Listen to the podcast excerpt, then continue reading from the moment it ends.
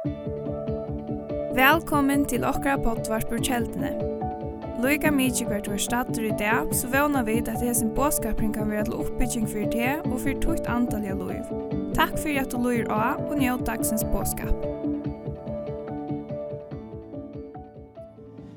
De som har bøyblna vittbund, til konfera, færa, det vil jeg anskånd vi mer til Titus, Um, Titus brev kapittel kapitel 3. Titus kapittel 3. Halleluja. Takk, Jesus. Jeg lykker på skil på sånn at tattene kommer her. Amen. Titus kapittel 3. Her er dere. Amen. Takk, Jesus. Jeg ljøs i er øyla største. Og ikke om du kan skal få ljøs, jeg lyser opp i selen, så jeg slipper jeg suttja avhørerne her da.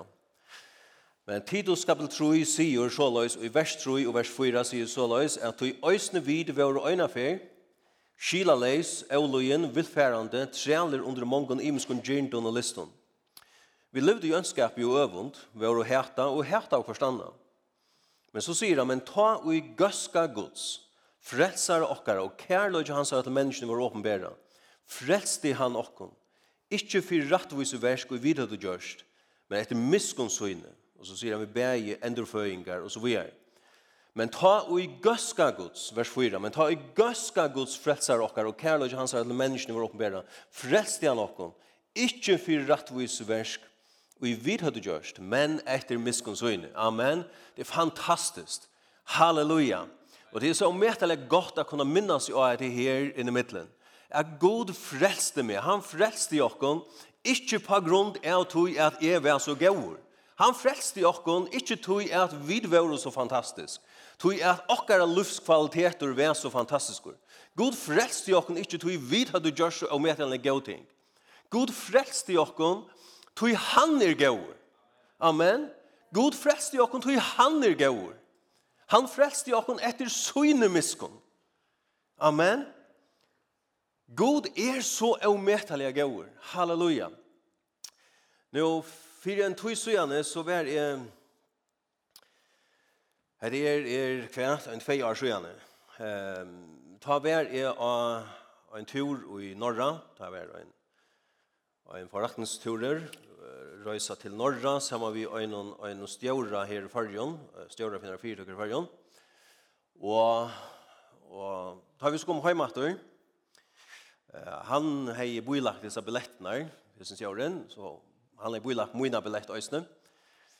Og jeg hei finner billettene innan telefonen som er, og det er at jeg finner boar billettene, be jeg som er og til hånden innan, du vet, han Han tomte ikke når jeg råkse å vise billettene. Han er korset boer til min.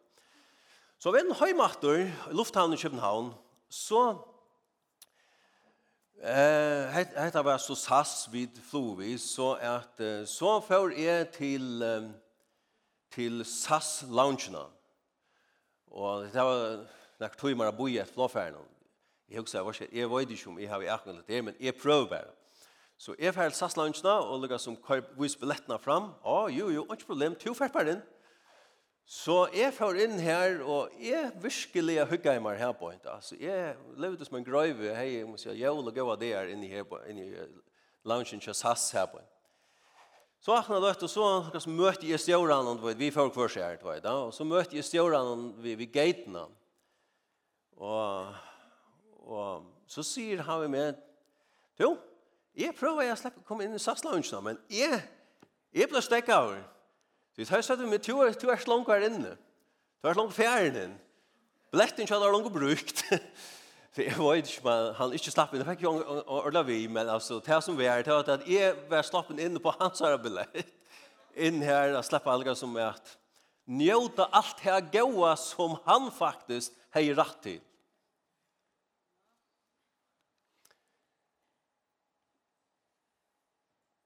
Vi har, om man så kan säga, finns en billett som er ikke okkara billett, men det er Jesar billett. Ja? Tidsi myndaliga tala. Vi har en ergang til näka som vi upprunaliga og i åkken sjolvon ikkje har ergang til.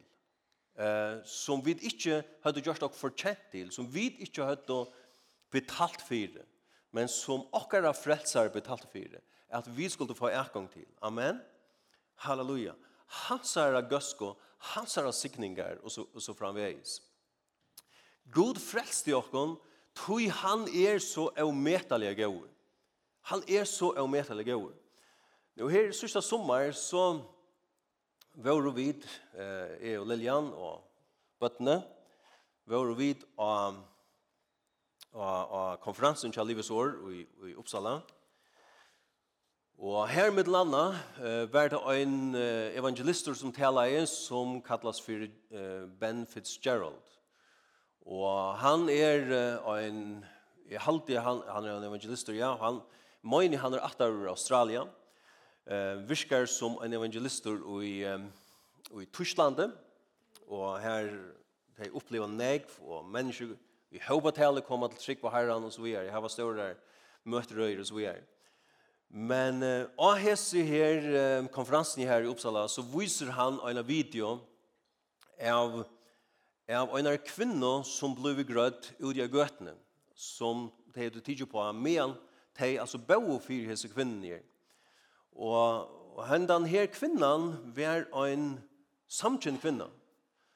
Og hon gikk her vi en sånn, hon hei på inn og rytsen, hon fikk det ikke gint ordentlig, hon gikk her vi en sånn, sånn gengestativ faktisk, og, og man vi hessar her kvinnene som hon levde sammen vi. Og han bygde så fyrir hessar kvinnene, fyrir ritsnum kjø henne. Og henne kvinnan ble momentant grøtt her av gøttene. Og, og fyrir stegaktor faktisk utan, for jeg kan genga frukt utan pyno og Thailand. Og Nå, de fleste tar akkurat ikke hendur. Så spyr jeg folk, hvis akkurat ikke blir grøtter, så kan folk finne på å spyr ja, men hvor grøtter god ikke handa personen, så er. Men i en slukken føren, så stender folk og spyr ja, men hvor grøtter god handa personen? Hvor kunne god finne på å grø en person som lever bortsett fra honom, som, som lever i synd, som, som er nokter han, og så vi er, og som ikke kjenner han, og, og, og, og, og som ja, vet, hver, hver, hver, hver, hver er grønnsan for Guds nøye, Guds miskon, Guds gøskon? Hvor er grøtte god en av slukka kvinna? Det er einfalt av Sverige er, tog han er gaur. Tog god er gaur. Amen. Tog god er gaur. Jeg trykker vi tog at det er Jeg tykker vi tog at jeg kunne give kanskje en tro imisk svær på hvor god grøtte hese kvinnerne. Nummer 8, så tar vi meg ikke til øyelig større med å si teologiske forklaringene på hvor god grøtte hese kvinnerne. Nummer 8, tog god er gøyere. Amen. Tog god er gøyere. Og det er den øyneste forklaringen og i mer egentlig nøydest av djeva gjøre menneskene tog god grøyere. Tui han er gaur. Tui han er gaur. I ørlei så trykker vi til at god grødjas av kvinna for djevn i tekjen om til at han ikke øysene er at vysen til at han elskar henne og han ikke er frelst henne, ikke er fyrtjøv henne av synder og så videre. Amen. Men i tria leie så trykker vi øysen til at god gjer slug ting vi først, at han grøyer slug mennesker vi først, som, som kan ska leva här i det som är i myskene, och som lever i synden och så vidare. jeg tror vi god gröjer slug människor i Østen vi først, for jeg gjør åkne tecken. För jag visar åkne till att vårt och hver, at han, her, han han när han rammer i åkar hoheim. Att, att han inte visar åkne, att han är så mycket gøyere, Att han är så, jeg vet ikke om han sier, negv betre, hans göska är så negv större än kvart vid mänkan och i min døkken. Så er det veldig ofte så har vi øyn eller ære grønt så fire hva Gud kan gjøre. Ikke hva bare hva Gud er metter å gjøre, men hva han er villig til å gjøre. Ja, men Gud, altså, du kan vel ikke møyne til at du vil hjelpe her som menneskene. At du vil hjelpe her som synderne. At du vil grøa her som folkene. At du vil valsikne her som.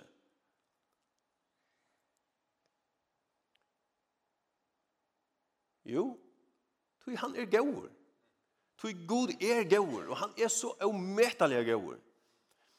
Jeg husker man lyser lyga nøkker favers eh, fra Lakonteka Matteus Matteus Etla, la kan taka Lukas kapitel 6 først. Lukas kapitel 6.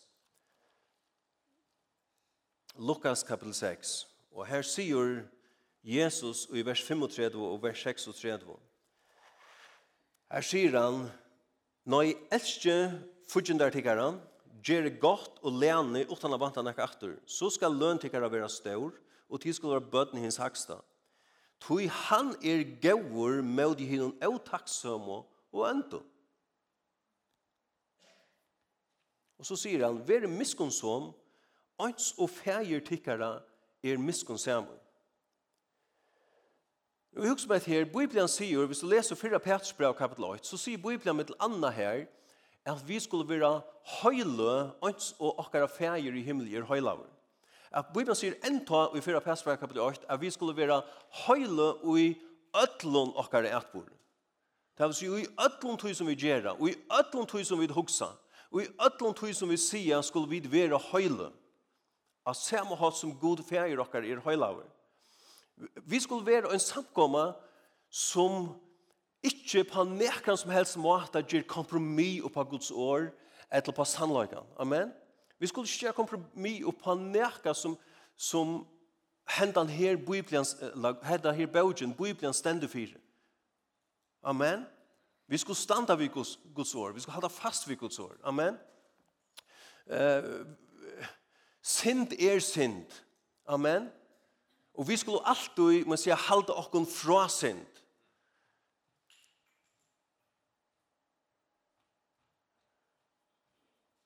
Vi skulle alltid halda okkon fra synd. Og som ein sier, og skilda mot min, min, min malbor akkurat det på, men som ein sier, at lorstur er lorstur.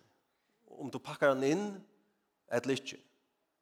Om du pakkar han inn, så vil han framvis lorstur. Lorstur Synd er synd. Og hun vil framvis synd, for så vel hun vil pakke inn. Og hver for form i eller hemme hun kommer vi, så er synd framvis synd.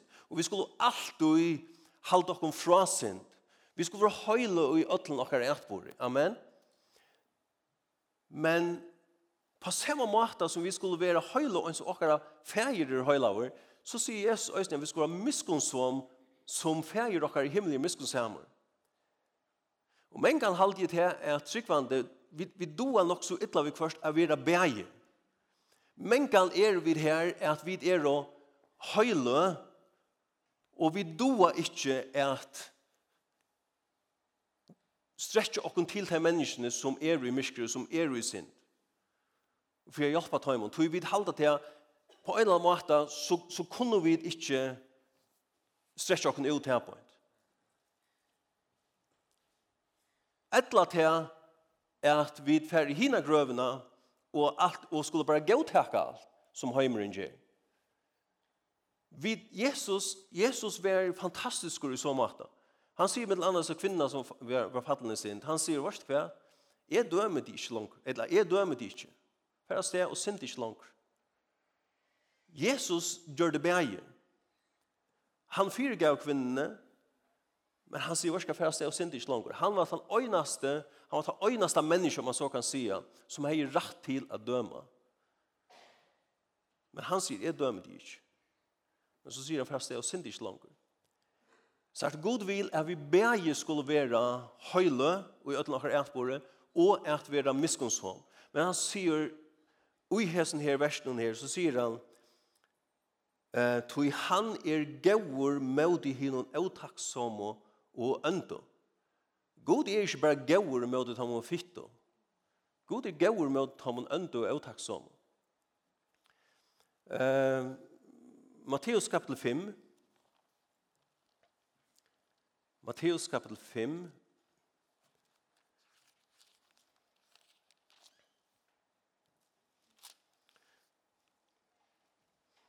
Her sier han vers 44, her, her sier han, men jeg sier til henne, elsker der til henne, Signe hei som banna tikkun, eh, signe hei som banna tikkun, ger, ger tom gott som heta tikkun, og bi fyr tom i hoa tikkun og søkja tikkun. Fyra tid kunne vera bøden som himmelgjør, Det han leter solsvinna renne upp iver ønd og gau og leter rekna iver rattvis og er rattvis. Kan vi lukka lesa òsne Salma 145? Salmor 145.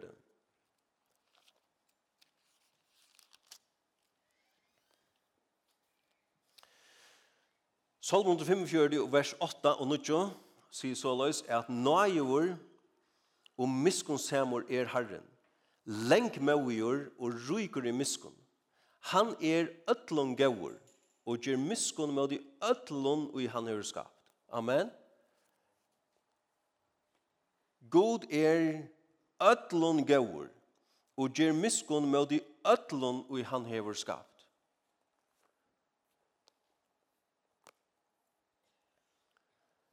Onkna så hugsi jeg til dømes, Bibelen tåsar om himmiskon saman samverjan. Um, hva er det som du lukka skap?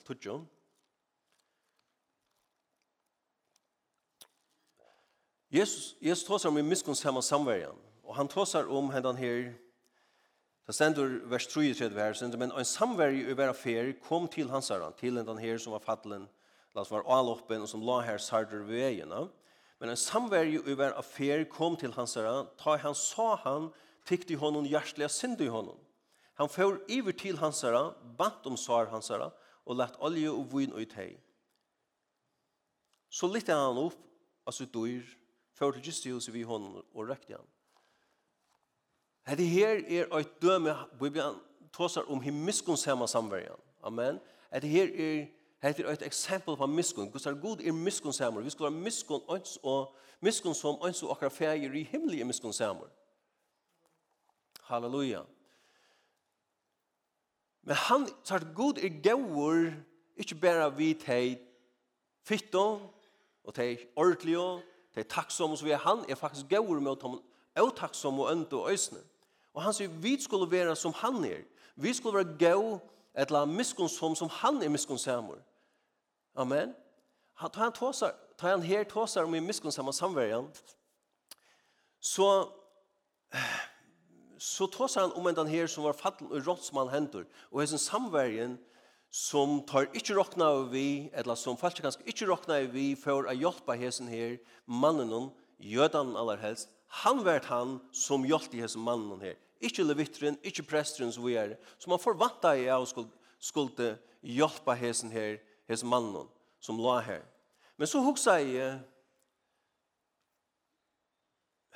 vi har kanskje så myndene av at hesen mæveren som var fattende rådsmannen hentur, han var en ekla fytte mæver. Og det var han kanskje øysene. Jesus, det er ikke på en Jesus søvn som så ikke Jesus.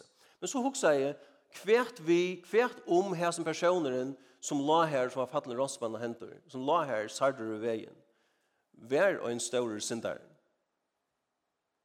Kvært nu, hvis jeg hadde til vær tan personen som vær og en rusmissnøytar, en alkoholikar, en som levde i synd, en som vær en samkjendur, en som hei gjørst negv som vid halda vårt kvæt, at det her er av grønsen til hva Gud kan hjelpe. Har du vidt tidst vi kommande oppe i Esle, Har du vidt hjulpet vi kommande. Et sikker vi tog er at vi først så har vi bruk for å minne oss selv og hvordan og metelig gaur god er. At ta og vid enda halda til at vi har nått en så fyrir hvordan gaur god er og hvordan gaur han kan være, så er han så ometallig negv møyri enn til. Hans ragøska er så ometallig negv større enn til.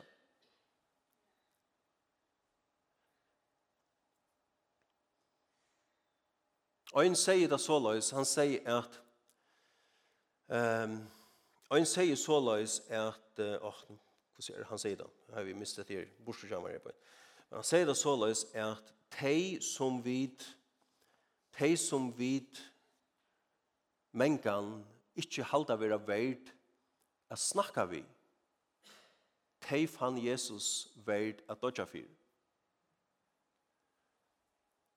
Jesus døy fyrir syndarar. Amen. Han frelste okkon ikkje vegna okkara gauversk, han frelste okkon til han er gauversk. Halleluja. Amen. Takk, Jesus. Vi Rombrand kapitel 3. Rombrand kapitel 3. Så sier Rombrand kapitel 3, vers 3, jo så løs, at ødel heva synda, og tøymon fattas dård gods. Og teivra rattvis gjørd fyri åndsje, av nøy hansara, vi endorløysingen som er ui Kristi Jesu. Ødel heva synda og taim og fatta stortgods. Nu, her er ungen samanbering av nøkken spelslega. Her, her er ungen tala om stårar synder eller små synder. Han sier bare ødel heva synda. Og nye støvandet han er at og taim og fatta stortgods. Har man fattast Guds nerver, har man fattast et nytt liv fra Gud innanfyr. Amen. Ödel hava synda. Og du kan stekke en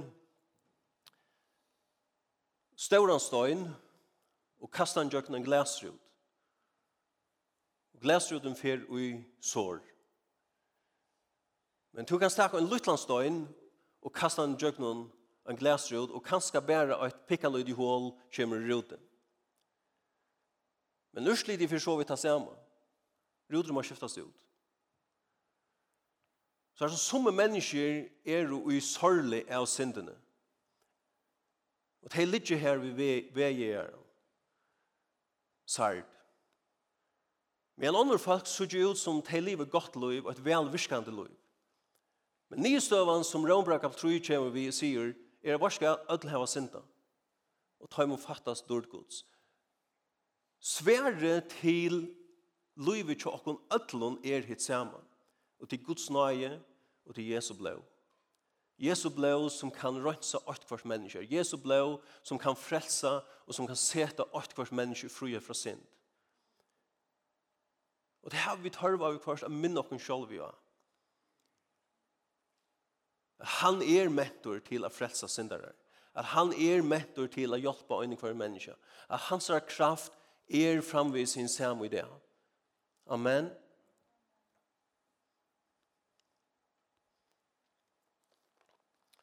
Lukas kapitel 4, her sier Jesus her at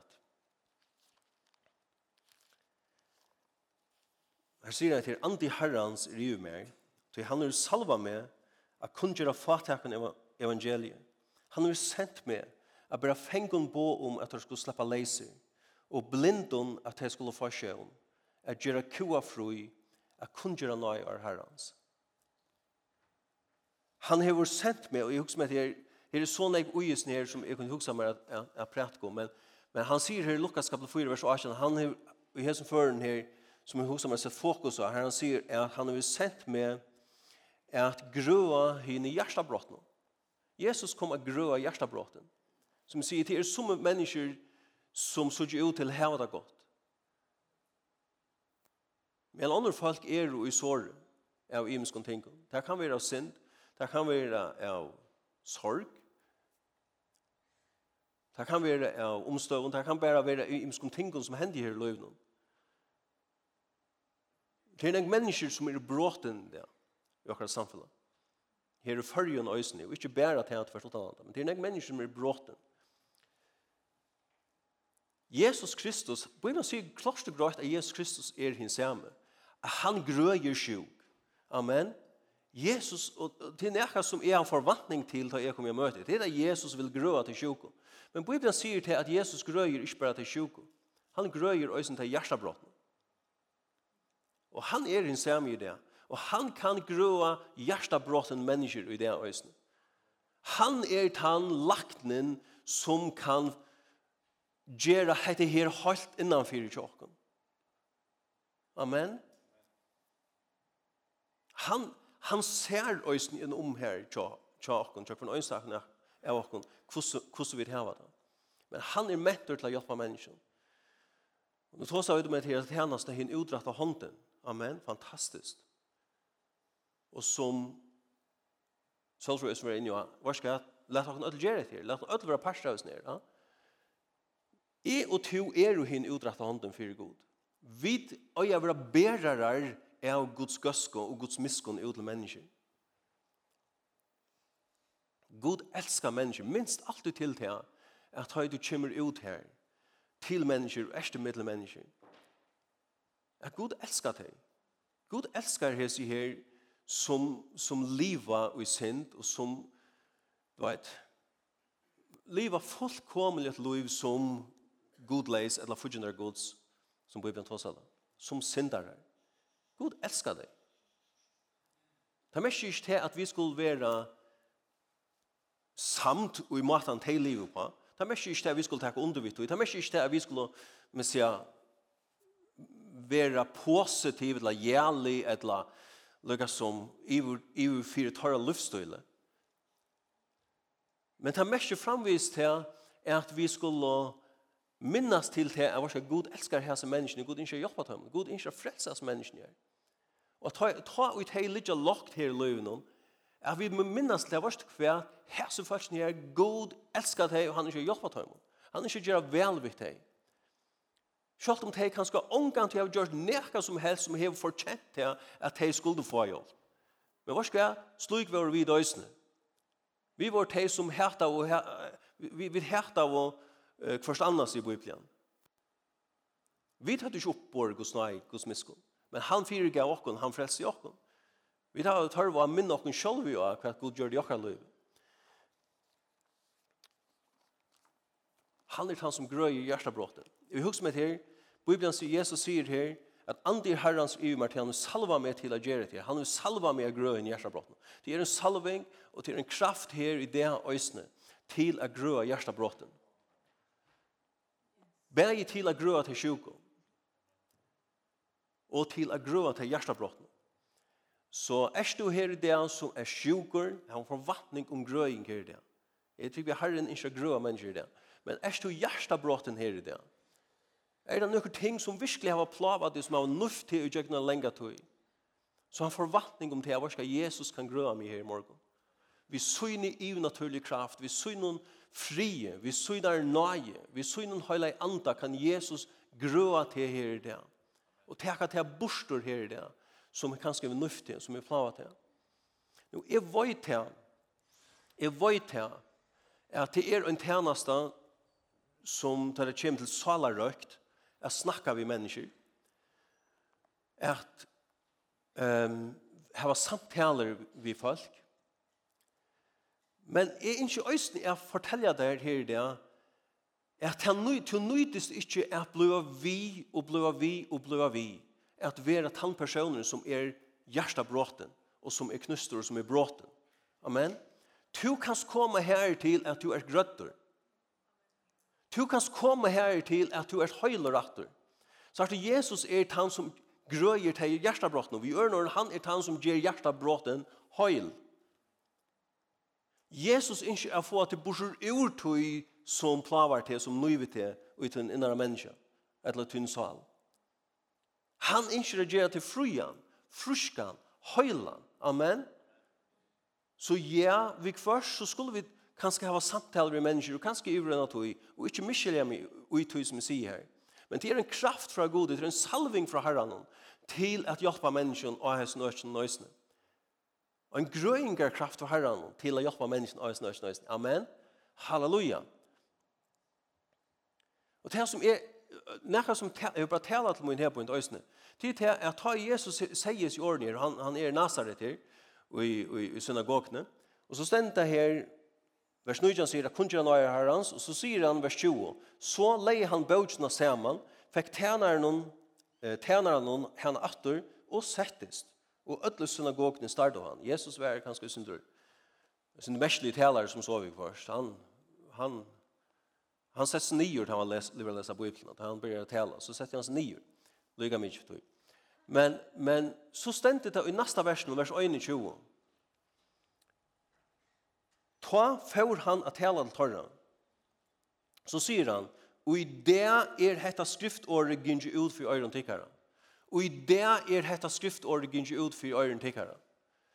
er det god gav et profetisk år i Isaias, jo, han heter fra Isaias kapel 3, Uh, her han sier vårt kvæ, jeg skal, og til flere profetisk år, om at en Messias, en Kristus skulle komme, og han skulle gjøre alle disse tingene her. Og Isaias trus lyser med til andre Kristus.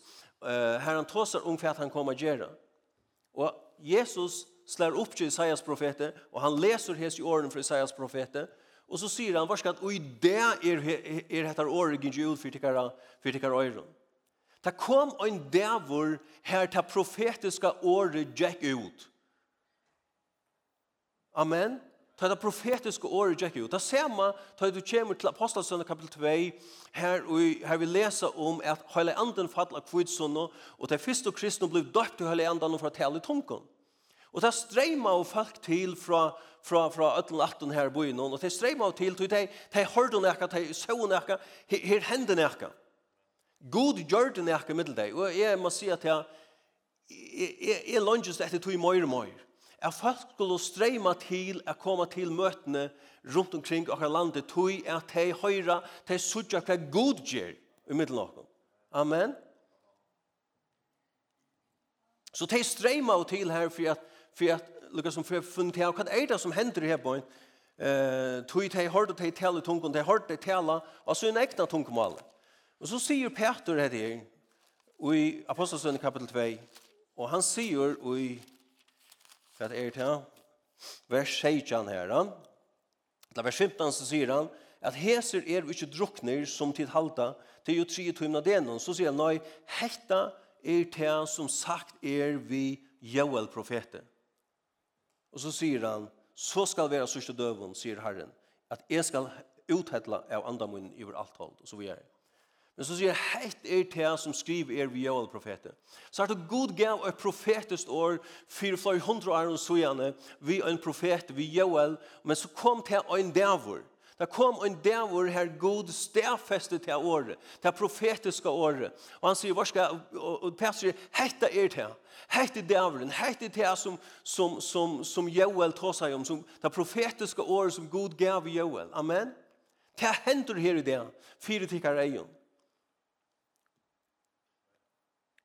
Vi får enker hettar, til det er god ikke at du skal erfæra uppleva hans år, hans lyfte og hans kraft ut i livet. At det ikke bare skal bli vi av være profetisk år. At det ikke bare skal bli vi av være nekka som er fyrir framman ut i livet. Men at det skal være et år som du opplever er færre og motteker ut i livet. Amen. 17. Korintbrev, halde 17. Korintbrev kapitel 6, her han sier at, at, at, og i det er frelse dævren. Ikke det?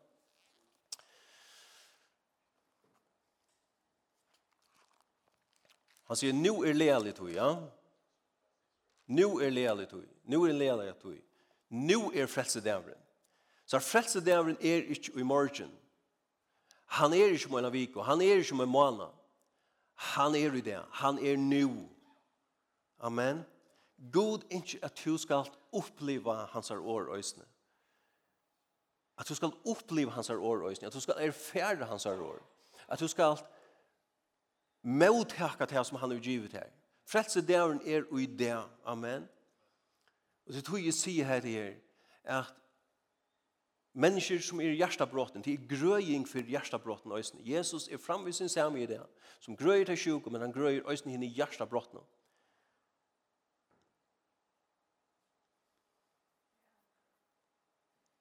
Amen? Og det frelse altså er i det. Det er grøying og i det. Til grøying og idea. Til grøying her og idea å få fra gode. Til frelsa her i det av få. Til fyrirgjøving her i det av få. Men til grøying her i det av øyne fra. Og idea er frelsa der. Og idea er grøying her der av øyne. Og idea er øyne grøying for det hjertet brått.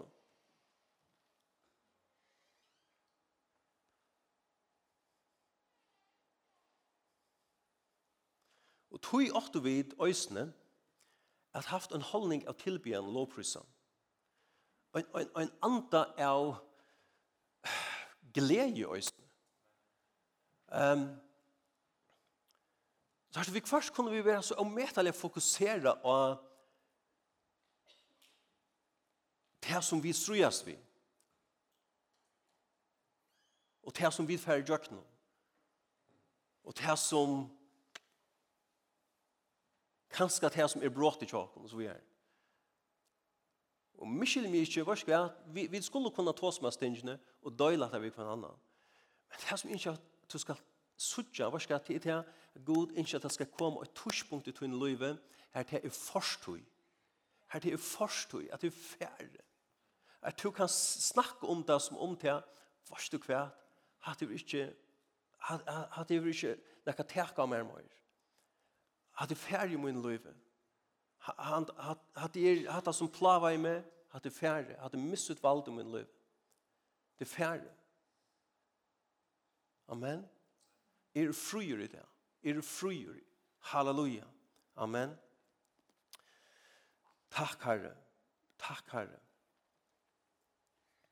Så god frelst i okkon vekna syna miskun syna nøye.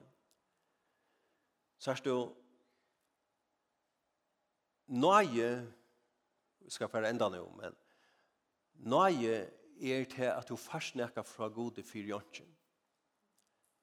Og på bord. Amen. Miskunn er til at du slipper undan nøytron som du har oppe på bord. Jeg har ångte tidsis her, tidsis av myndene for, ja, hessen her, hessen her mannen og hessen her, uh, som, tante kongen og kjasar, ja, som gjør de opprørste mot kongen og kjasar. Som var, han var en riddar, ja. Og han gjør det opprørste mot sin kongen, og ble fengt og ble tidsen, denne opprørste ble nye barn. Og straffen var det av dem. Men kongeren miskunnar honom og leter han släppa undan tog som han borde ha finnit, tog som han hei oppebor, som var dömer, som var straff. Han miskunna jo. Men han gjør det ikke bare til, han gav hon nøysen nei. Han røste han opp atter til ta status som han hei i åren, og gav han atter til som han hei. Her han slapp av bliva riddar atter og tjena seg. God bæg hever miskunna okkon, og han fyrigav okkon. Han lät okkon släppa undan det om straff. Og han har øysene givi okkon frelse av nøye. Han har givi okkon disse frelse eh, som en gav. Og alt det som tilhøyr tog, som hever vi Guds rydja gjera. Amen. Sikningar hans regjera. Så vi er, vi er frelst av nøye, vi trygg, og ikke av okkon sjolven. Aller sørst her, så så har vi kjent her, medan jeg har fyra ganger i Øsne, at Herren mynte meg av tvei, eller kjente bare til medan fyra med å be i Øsne, at, at det kom tvei profetisk år til meg. Og her er det som halde i Åsbjøden hever onkur kunnskapar år og til dere, det fra herran. Men medan er fyrrøyga med og bæ så, så kjente jeg et profetisk år. Og egentlig var det tve år, men, men til begge, begge i årene har en av båtskapen kommet ut. Og det fyrre året, det fyrre profetiske året som vi kjenner, til er fra hese hendingen til Jesus røyser Lazarus, uh, røyser Lazarus opp fra Tamdeio. Og her han stender vi grøvene til Lazarus, og han råper, Lazarus kom ut. Og jeg kjente lukka som til profetiska året fra herren. Her herren råpar av mennesker og sier kom ut. Kom ut ur grøvene. Kom ut ur tog som binder til, som plavar til, og som helder til atter, og som forar til ui at tjena gode, og så videre.